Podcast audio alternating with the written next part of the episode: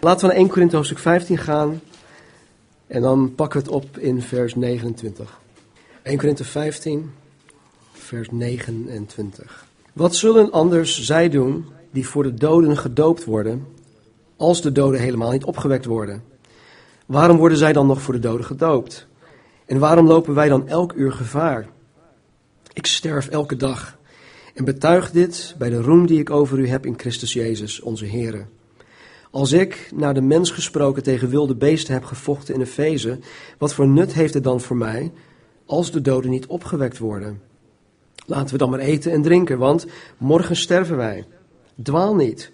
Slecht gezelschap bederft goede zeden.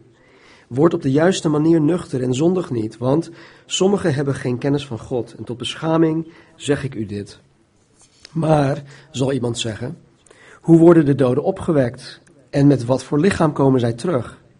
Dwaas, wat u zaait, wordt niet levend als het niet gestorven is. En wat u zaait, daarvan zaait u niet het lichaam dat worden zal, maar een kale graankorrel, al naar het voorvalt, van tarwe of van een andere, of van een van de andere graansoorten. God echter heeft daaraan een lichaam zoals, God echter geeft daaraan een lichaam zoals hij heeft gewild. En aan elk van de zaden zijn eigen lichaam. Alle vlees is niet hetzelfde vlees, want het vlees van mensen is verschillend, het vlees van dieren, van vissen en van vogels is verschillend. En er zijn hemelse lichamen, er zijn ook aardse lichamen, maar de heerlijkheid van de hemelse is verschillend en die van de aardse is verschillend. De glans van de zon is verschillend en de glans van de maan is verschillend en de glans van de sterren is verschillend, want de ene ster verschilt in glans van de andere ster. Zo zal ook de opstanding van de doden zijn. Het lichaam wordt gezaaid in vergankelijkheid, het wordt opgewekt in onvergankelijkheid. Het wordt gezaaid in oneer, het wordt opgewekt in heerlijkheid. Het wordt gezaaid in zwakheid, het wordt opgewekt in kracht.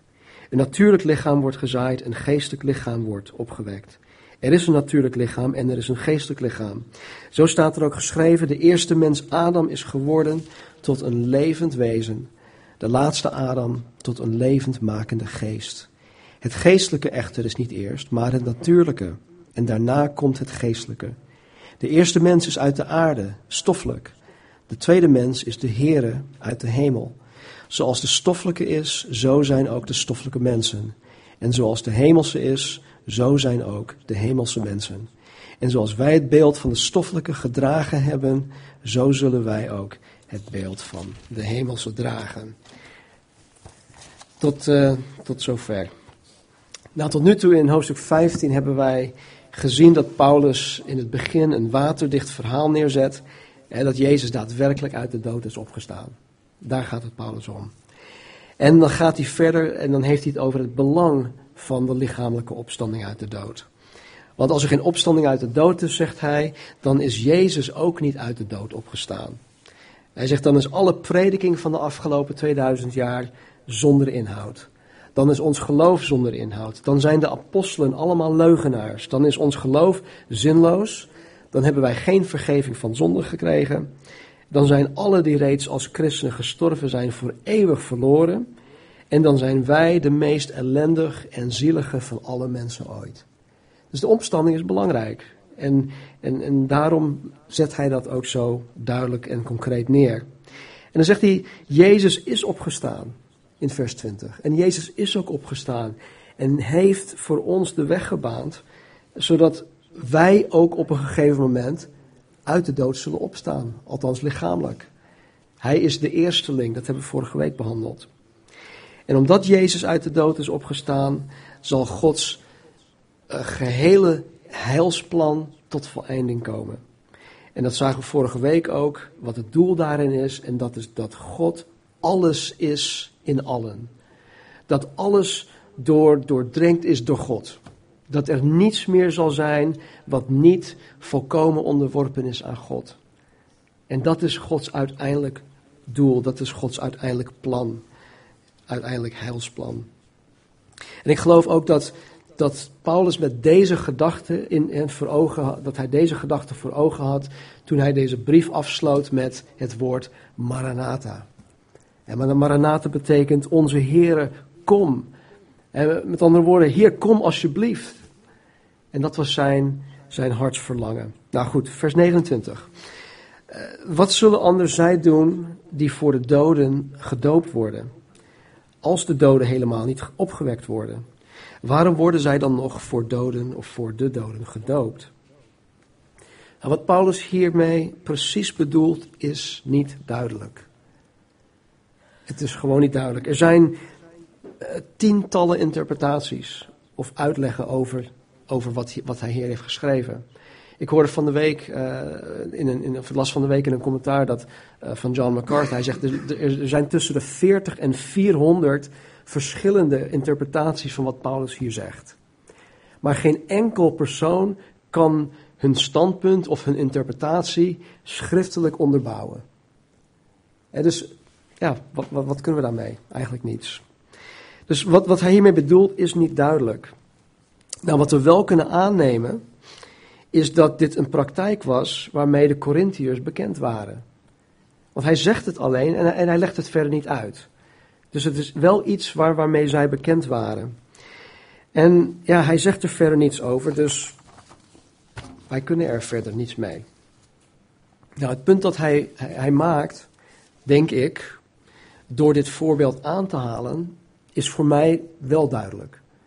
De, de reden waarom, waarom hij dat aanhaalt. Als er geen opstanding uit de dood mogelijk is, waarom laten de levende mensen zich dan nog dopen voor mensen die reeds gestorven zijn. En met andere woorden, als er geen opstanding is, dan is de dood het eind van het bestaan. Er is na de dood helemaal niks meer. En dan heeft het dus totaal geen zin om überhaupt nog iets voor dode mensen te doen. In dit geval dat zij zich lieten dopen, een soort van plaatsvervangende doop voor mensen die, die al gestorven waren, die nog niet gedoopt waren.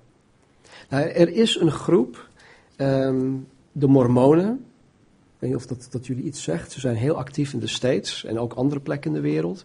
Ik ben ze hier nog niet zo vaak tegengekomen. Maar hun uh, headquarters, dat zit in Salt Lake City, Utah.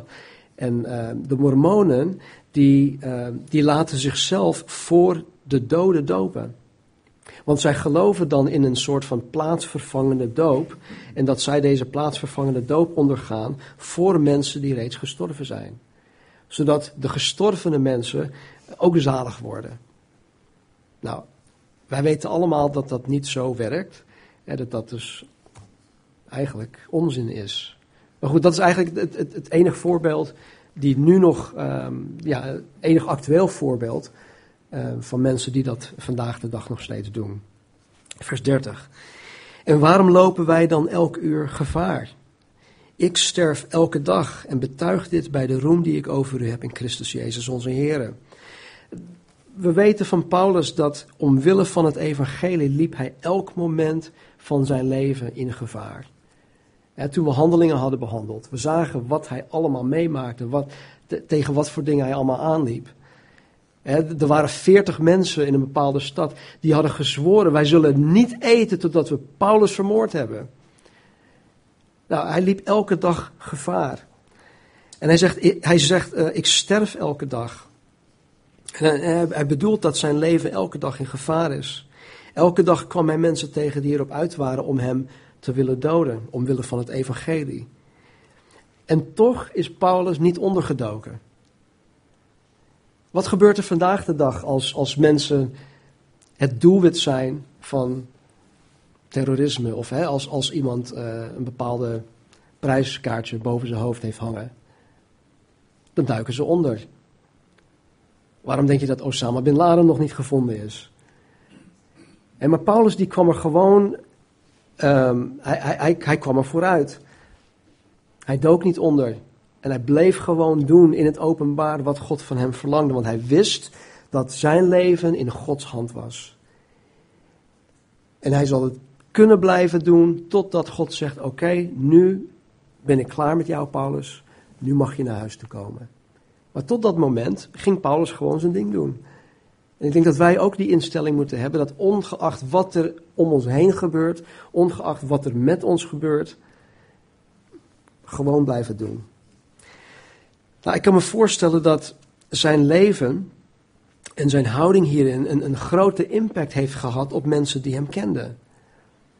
Deze mensen die moeten zichzelf afgevraagd hebben dat als er niets meer is in dit leven, waarom zou Paulus zichzelf op deze wijze zich dan, zichzelf dan opofferen?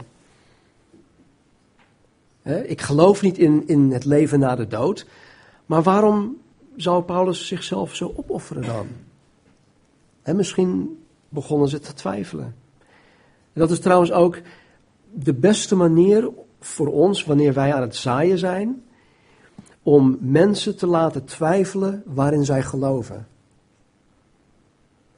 als mensen een, een, een hele, een, echt, echt een standpunt in hebben genomen oh, dat God niet bestaat. Of uh, Jezus Christus was wel een goed persoon, maar hij is niet de Messias, hij is whatever. Welk standpunt ze ook innemen, als wij door onze, door onze getuigenis, door het zaaien van Gods woord, wij moeten beginnen bij het, bij het zaaien van twijfel. Op het moment dat mensen beginnen te twijfelen, wanneer wij het woord van God brengen, dan gaat de Heilige Geest met hen verder en die zal hun twijfel nog, nog eens gaan bevestigen. En dat is altijd, ehm, ja, dat heeft tot nu toe bij mij altijd gewerkt. Vers 32. Als ik naar de mens gesproken tegen wilde beesten heb gevochten in Efeze, wat voor nut heeft het dan voor mij als de doden niet opgewekt worden? En laten we dan maar eten en drinken, want morgen sterven wij.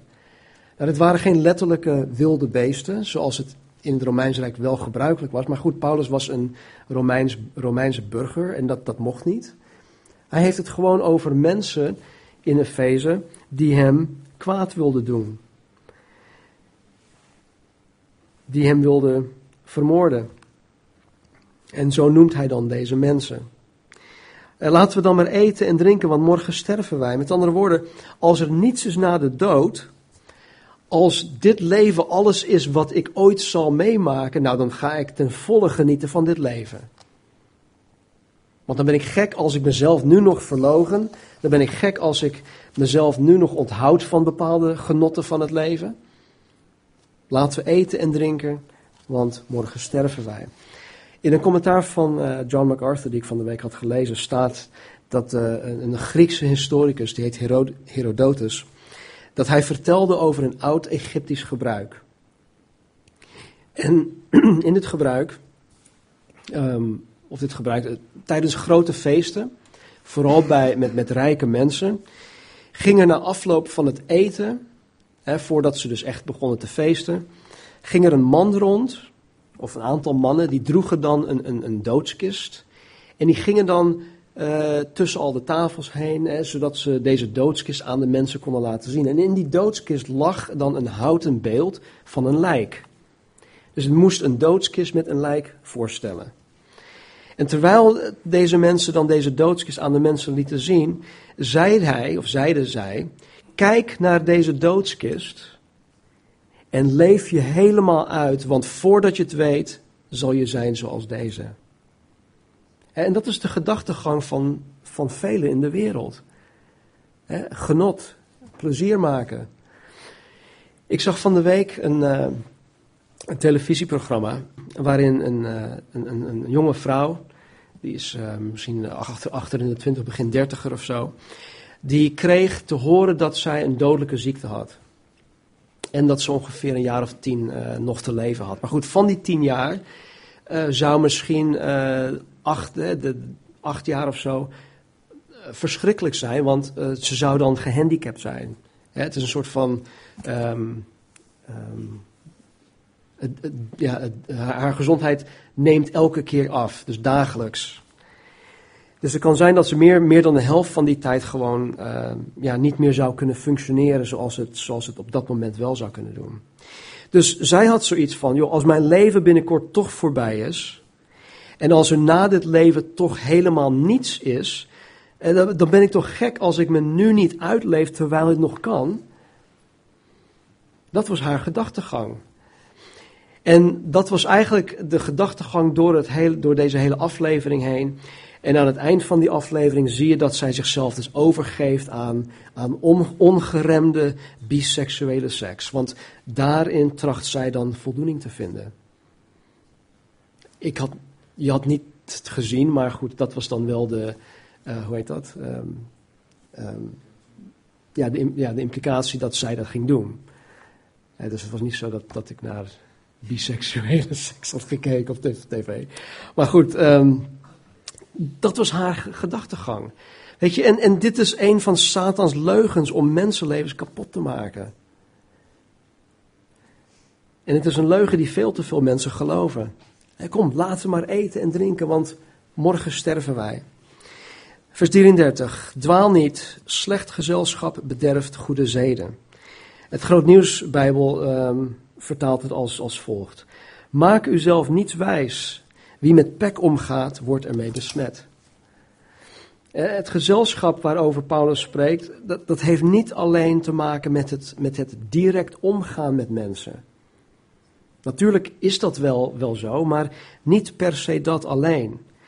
Een goed gezelschap eh, zal je ten goede beïnvloeden en een slecht gezelschap zal je bederven. Maar dit gezelschap waar, waar Paulus over heeft, dat, dat gaat verder dan alleen het omgaan met mensen. Wij worden ook beïnvloed door bijvoorbeeld boeken die wij lezen of door preken of studies die wij beluisteren. Als wij boeken lezen die niet gegrond zijn in, in de gezonde leer, dan zal het ons schaden. Hoe dan ook. Hetzelfde geldt voor preken of bijbelstudies die wij online zien of beluisteren. Als de mensen niet de gezonde leer verkondigen, dan zal het ons denken bederven. En mensen die verkeerd denken, die zullen zich uiteindelijk ook verkeerd gaan gedragen. Want ja, je, je denken bepaalt toch je gedrag. De christen die verwacht dat er leven na de dood is, dat Jezus spoedig terug zal komen, die zuivert zichzelf. En slecht gezelschap bederft goede zeden. En Paulus zegt dat de valse leraren die de Corinthiërs leren, dat er geen opstanding uit de dood is, hun goede zeden bederft. En doordat sommigen deze leugen hebben geloofd, hebben zij zich, net zoals die vrouw in het televisieprogramma, zich overgegeven aan, aan zonde. Ze leefden zichzelf ook helemaal uit. En daarom zegt Paulus in vers 34, word op de juiste manier nuchter en zondig niet. Want sommigen hebben geen kennis van God. En tot beschaming zeg ik u dit. En met andere woorden, word wakker, kom tot inkeer, kom tot bezinning en houd gewoon op met zondigen. Want sommigen kennen God niet, zegt hij. Weet je, mensen, christenen, die willens en wetens blijven zondigen, die kennen God niet. Die kennen God echt niet. Want als je God kent, dan, dan wil je dat niet eens. Als je God kent zoals Hij is, dan wil je niet eens meer zondigen. Dan is het geen kwestie van, oh nee, ik mag niet, ik mag dit niet, of ik, of ik moet dat. Of ik, nee, het is een, een, wil, een, een kwestie van je wil. Dan wil je het niet eens meer. Vers 35. Maar, zal iemand zeggen, hoe worden de doden opgewekt? En met wat voor lichaam komen ze terug? En met andere woorden, deze vraag wordt mij ook vaak gesteld. Hoe zit het dan met de mensen die in de zee verdronken zijn? Eh, of hoe zit het met mensen die verbrand zijn, zodat er helemaal niks van over is? Of mensen die opgeblazen zijn door een, door een bom? Hoe zullen mensen waar niks van over is gebleven, lichamelijk uit de dood op kunnen staan? Hoe is dat nou mogelijk? En dit is geen oprechte vraag die gesteld werd. Degene die deze vraag stelde, die spotte met de leer van de opstanding uit de dood. En kijk hoe Paulus reageert. Hij zegt dit. Dwaas. Wat u zaait wordt niet levend als het niet eerst gestorven is. En wat u zaait, daarvan zaait u niet het lichaam dat worden zal, maar een kale graankorrel, al naar het voorvalt van tarwe of van een van de andere graansoorten. God echter geeft daaraan een lichaam zoals hij heeft gewild. En aan elk van de zaden zijn eigen lichaam. Nou, met dit voorbeeld geeft Paulus aan dat het zaad dat je in de grond plant een totaal andere vorm zal krijgen wanneer het volgroeid is. Nou, dat, dat, dat, dat weten wij. Dat, dat weten we allemaal. Maar het is God die bepaald heeft wat voor lichaam, oftewel wat voor vorm het zal krijgen wanneer het volgroeid is. Als ik een, een, een maiskorrel in de grond stop, dan komt er geen gigantische maiskorrel uit de grond. Nee, het, het, wordt, het, het wordt een plant. hè, we zien dat elk, elk jaar hier in, in, in de, in de Haarlemmermeer. Het, wordt, het, het krijgt een hele andere vorm. En dat bedoelt Paulus hiermee. En wat hierin ook belangrijk is, is dat ondanks dat het zaadje uh, sterft voordat het een levende plant wordt, blijft het wel hetzelfde. Ik bedoel dit. Nogmaals, maiskorrel. Als ik die in de grond plant, dan wordt het ook geen appelboom. Het blijft mais. En zo is het ook met mij. Wanneer mijn lichaam tot stof in de aarde of waar dan ook terug zal keren, wanneer ik mijn verheerlijk lichaam zal krijgen, dan ben ik het die voort zal bestaan. Ik word niet opgenomen in een of ander collectief bewustzijn, hè, waardoor ik mijn identiteit verlies. Heel veel mensen in de wereld geloven dat. Nee, ik zal mijn identiteit behouden en ik zal als een volmaakte en verheerlijkte Sten uit de dood opstaan en voor eeuwig zal ik blijven bestaan. Vers 39. Alle vlees is niet hetzelfde vlees.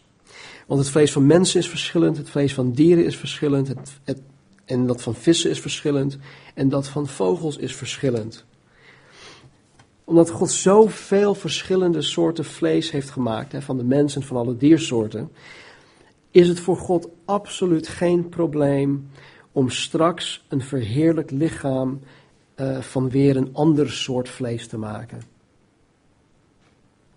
En dat zegt Paulus eigenlijk hiermee. Er zijn hemelse lichamen, er zijn aardse lichamen, maar de heerlijkheid van de hemels is verschillend en die van de aardse is verschillend. De glans van de zon is verschillend, de glans van de maan is verschillend, de glans van de sterren is verschillend. Want de ene ster verschilt in glans van de andere ster. Als je hier in Nederland geluk hebt en eens een keertje de sterren mag zien, dan lijken ze op eerste gezicht um, ja, min of meer allemaal hetzelfde. En natuurlijk is de een wat groter dan de ander, althans voor het oog. Maar als je naar de sterrenwacht gaat en als je door zo'n zo'n telescoop kijkt, dan zal je per ster verschillen zien in niet alleen de, glans, hè, de licht, het licht, maar ook in, in kleuren. Ze geven allemaal verschillende kleuren af.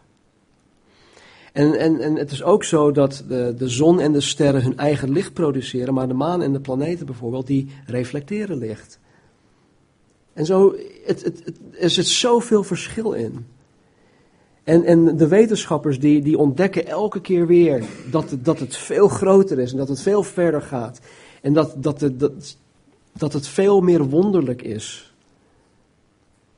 En toch zeggen ze dat God niet bestaat. En dus ook hier laat Paulus ons zien dat God in staat is om zoveel meer te doen dan wij kunnen beseffen. En als God in staat is om zoveel verschillende soorten zaad, zoveel verschillende soorten vlees, uh, hemelse en aardse lichamen, uh, al deze dingen te maken, dan is God ook in staat om, slechts, om uit slechts één van onze overgebleven cellen een verheerlijk lichaam te kunnen maken. als dat überhaupt nog nodig is. Eén van mijn cellen. Als christen geloof ik dat God alles uit het niets heeft geschapen. En dus al zou ik worden gecremeerd, bij wijze van spreken, en, en, en mijn as wordt in de grote oceaan gestrooid, dan is God nog steeds in staat om mij een lichamelijke opstanding of een verheerlijk lichaam te geven. Kennen jullie um, um, ex nihilo? Dat is Latijn voor uit, uit het niets. Uh, er is een um, creatio ex nihilo. Ja, wie uh, was Gerry? Oké. Okay. Nou, creatio ex nihilo is Latijn voor, voor schepping uit het niets. En daarin geloven wij. Echt waar, wij geloven daarin. Want God, in het begin schiep God de hemel en de aarde. Maar hij schiep het uit het niets. Dus eh, eh, als wij, als wij Genesis 1.1 geloven, met heel ons hart, dan is het helemaal geen probleem om ook, om ook te geloven dat God uit het niets ons weer een verheerlijk lichaam kan geven. Zo zal ook de opstanding van de doden zijn. Het lichaam wordt gezaaid in vergankelijkheid. Het wordt opgewekt in onvergankelijkheid. Het wordt gezaaid in oneer. Het wordt opgewekt in heerlijkheid. Het wordt gezaaid in zwakheid. Het wordt opgewekt in kracht. Een natuurlijk lichaam wordt gezaaid, een geestelijk lichaam wordt opgewekt. Er is een natuurlijk lichaam en er is een geestelijk lichaam.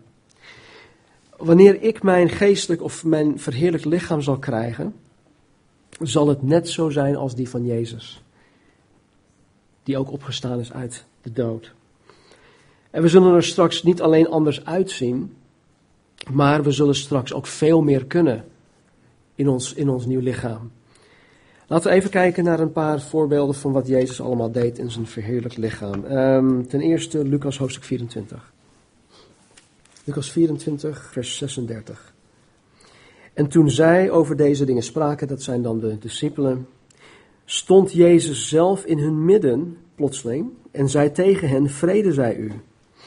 En ze werden angstig en zeer bevreesd en dachten ze, of dachten dat ze een geest zagen. En hij zei tegen hen, waarom bent u in verwarring en waarom komen zulke overwegingen op in uw hart? Zie mijn handen en mijn voeten, want ik ben het zelf. Raak me aan en zie, want een geest heeft geen vlees en geen beenderen zoals u ziet dat ik heb. En terwijl hij dit zei, liet hij hun de handen en de voeten zien. En toen zij het van blijdschap nog niet geloofden en zich verwonderden, zei hij tegen hen, hebt u hier iets te eten? En ze gaven hem een stuk van een gebakken vis en van een honingraad. En hij nam het aan en at het voor hun ogen op. In dit stukje zien wij een, paar, een aantal dingen. Jezus verscheen plotseling in hun midden, terwijl ze in een afgesloten ruimte zaten. Weet je, wij, wij, wij zeggen heel vaak um, in onze dienst, nou Jezus is hier in ons midden. Maar stel je voor dat Jezus in zijn verheerlijk lichaam in één keer, boem, hier echt in ons midden zou staan. Wat zouden, we van, wat, wat zouden wij daarvan vinden? Ik, ik, zou, ja, ik zou, ten eerste zou ik schrikken. Maar dat lijkt mij ook hartstikke eng. Het is onnatuurlijk. Het is bovennatuurlijk.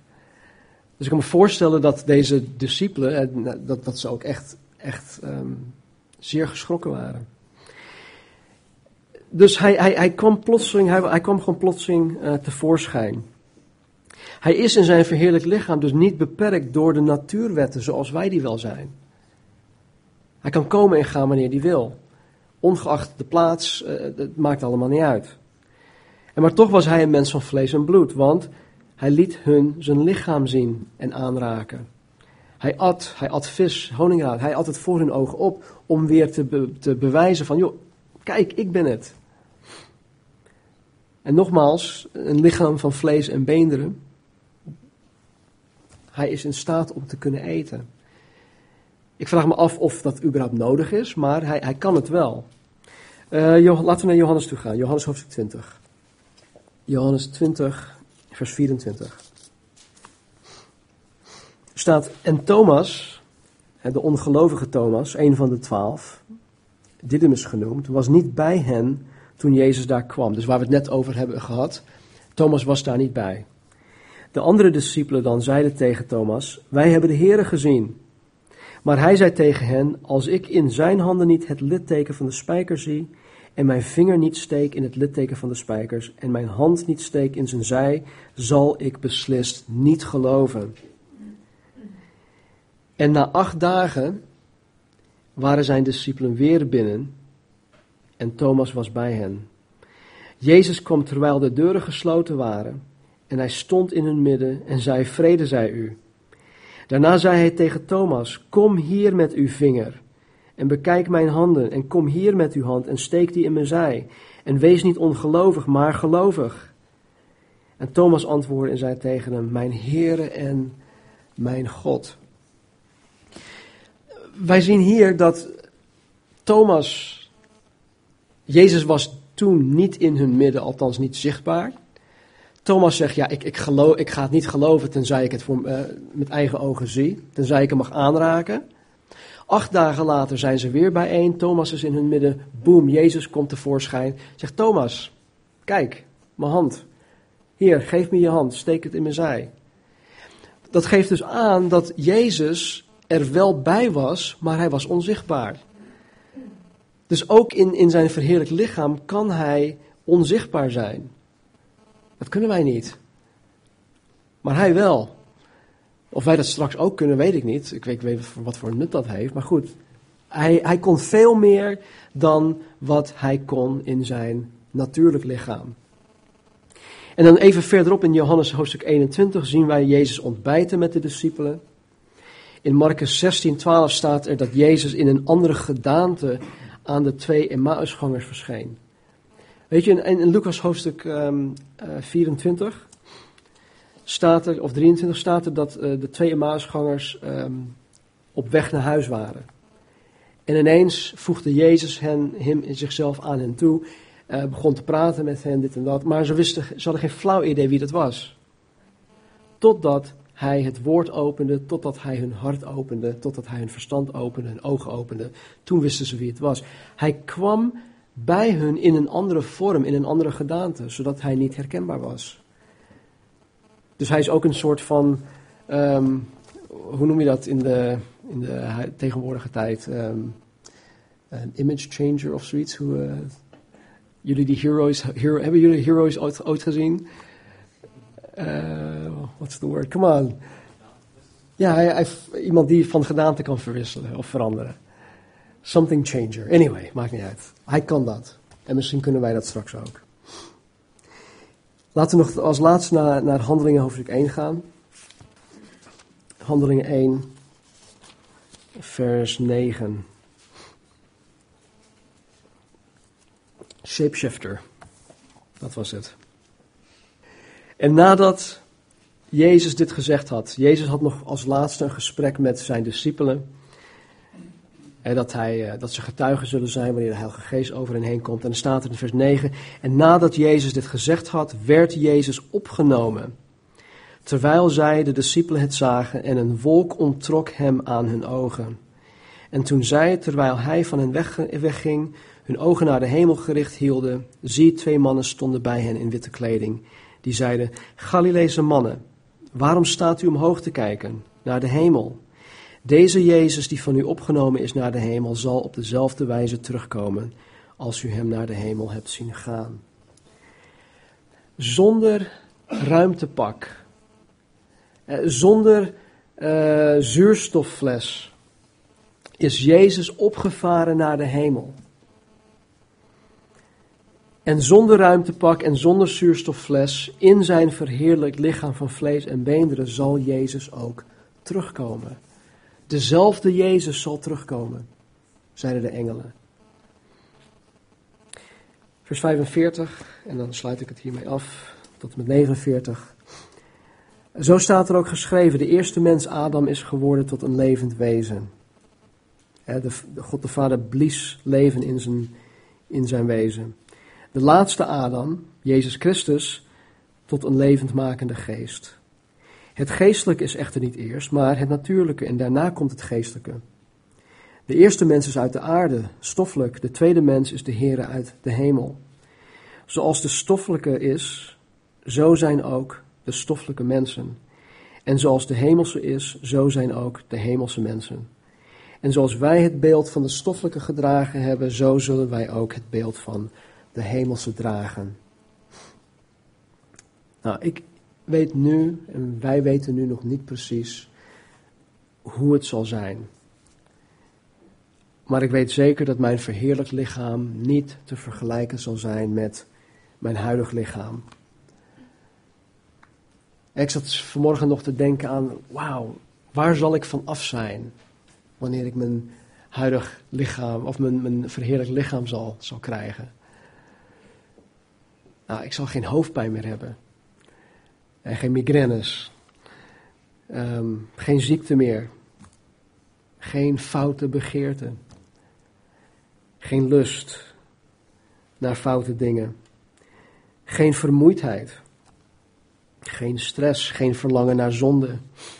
Geen puistjes. geen, noem maar op, wat we allemaal niet meer zullen hoeven te dragen. Ook geen lange reistijden meer om ergens naartoe te gaan. Ik denk dat ik alleen maar hoef te denken aan een plaats en dat je er zal zijn. Tot slot 1 Johannes hoofdstuk 3. Zie hoe groot is de liefde van de Vader. Of is de liefde die de Vader ons gegeven heeft. Dat wij kinderen van God worden genoemd. En daarom kent de wereld ons niet, omdat zij Hem niet kent. Geliefde, nu zijn wij kinderen van God. En het is nog niet geopenbaard wat wij zullen zijn in de toekomst in ons verheerlijk lichaam. Maar wij weten dat als Jezus geopenbaard zal worden, wanneer Hij terugkomt, wij Hem gelijk zullen zijn. Want wij zullen Hem zien zoals Hij is. En ieder die deze hoop op Hem heeft, reinigt zich zoals Jezus rein is. Als je Jezus op elk moment verwacht, dan zal je er klaar voor zijn. Dan zal je zaken op orde hebben. Marnie en ik die gaan, die gaan soms weg. En toen de meiden nog kleiner waren, vroegen ze ons altijd: eh, Ja, nou hoe laat kom je dan thuis? Ja, weten we niet precies. Zo rond die en die tijd. Want ik wist dat als ik hun een precieze tijd had gegeven, dan zouden ze zich misschien, ja, ik, ik weet het niet helemaal zeker, maar misschien zouden ze dingen doen uh, die van ons niet uh, mochten. En dan, uh, als ik zeg van joh, ik ben om tien uur thuis, dat ze, dat ze kwart voor tien ineens alles gingen opruimen. En, en tien uur verwachten ze ons. En dan zijn we daar. En dan zijn ze ook helemaal klaar. Oh, hi papa, mama, je hebt een hele fijne avond gehad hebben jullie wel gemist, enzovoort, enzovoort. Maar als ze niet wisten wanneer we klaar, of wanneer we thuis zouden komen, dan was het voor hun iets moeilijker om toch dingen uit te halen. om, om uh, ja, ik, wil net zeggen qua jongens, maar om qua meisjes te zijn. Dat kunnen, dat, kunnen ze ook wel. Dus uh, God heeft het denk ik ook zo met ons bedoeld dat wij het niet precies weten, want Hij wil dat wij Hem te allen tijden of elk moment kunnen verwachten.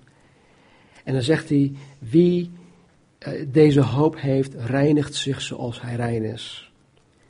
En dat, dat is iets dat wij ook voor ogen moeten houden. En leg de dingen af die niet goed zijn. Reinig jezelf zoals Jezus Christus rein is. Nou, ik weet niet hoe jullie erin staan, maar ik, ik verlang echt naar mijn nieuw lichaam. En wanneer we volgende week, uh, nee niet van volgende week, um, ergens volgende maand uh, de rest van hoofdstuk 15 afmaken, dan gaan we ook kijken naar de opname van de gemeente en wat voor gevolgen dat heeft op ons nieuw lichaam. Want ik denk dat wij, eh, sommige dingen die kunnen nogal verwarrend zijn. Want als ik opgenomen word, krijg ik dan mijn nieuw lichaam? Of moet ik wachten tot het eind van het duizendjarig rijk?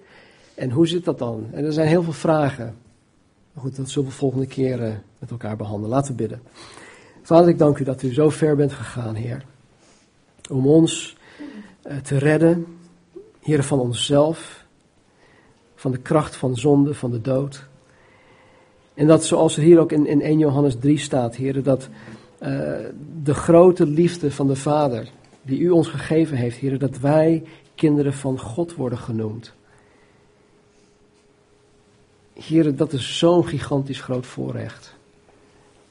Help ons, Heer, om dat meer en meer te beseffen. Heer, misschien is het voor sommigen van ons een beetje vanzelfsprekend geworden. Het evangelie is, is, bij sommigen van ons misschien uh, met de paplepel erin gegooid. Uh, we weten niet anders dan dat wij christen, ons hele leven al christen zijn. Of misschien is het gewoon door de jaren heen gewoon geworden. Maar Heer, u wil dat, dat wij uh, er, er altijd van bewust zijn. Heer, dat, dat, het, dat het evangelie, het, het, het geweldige nieuws, wie wij in Christus zijn, Heer, dat dat ons denken bepaalt, dat het ons doen bepaalt. En zo, Heer, met die gedachten bid ik, Vader, dat u ons altijd, vanaf vanmorgen, heren, gewoon ons laat inzien hoe ver u bent gegaan om ons kinderen Gods te kunnen noemen. En Heer, help ons om ook u te verwachten. Heer, dat we niet laks worden. Heer, dat we niet um, uh, verslappen. Heer, dat we niet lauw worden in ons geloof, in, onze, in ons getuigenis. Maar Heer, wakker het vuur aan in ons hart. En help ons, Heer, om, om, om verwachtingsvol te zijn. Dank u, Heer, dat wij uiteindelijk een nieuw lichaam zullen krijgen. Die veel beter is. Die veel meer kan. Die in staat zal zijn uh, om door de hele kosmos heen te reizen. In welke vorm dan ook. Zegen ons, Heer. En stel ons tot zegen ook deze week die voor ons ligt, wanneer we naar school gaan of naar werk, waar we ook zullen zijn. Geef ons ook de gelegenheid, Heer, om uw liefde en uw woord met iemand deze week te mogen delen. Heer, al is er maar één persoon, help ons, Heer, om te zaaien. Help ons, Heer, om twijfel te zaaien in, in hun geloofsbeleidenis, waarin zij ook mogen geloven. Heer, ten einde deze ook tot kinderen Gods te kunnen verwelkomen. Dank u, Heer. In Jezus' naam. Amen. Laten we staan. Mogen de Heer in ieder van ons deze week die hoop geven. En dat wij ook echt verwachten dat Jezus elk moment terug kan komen.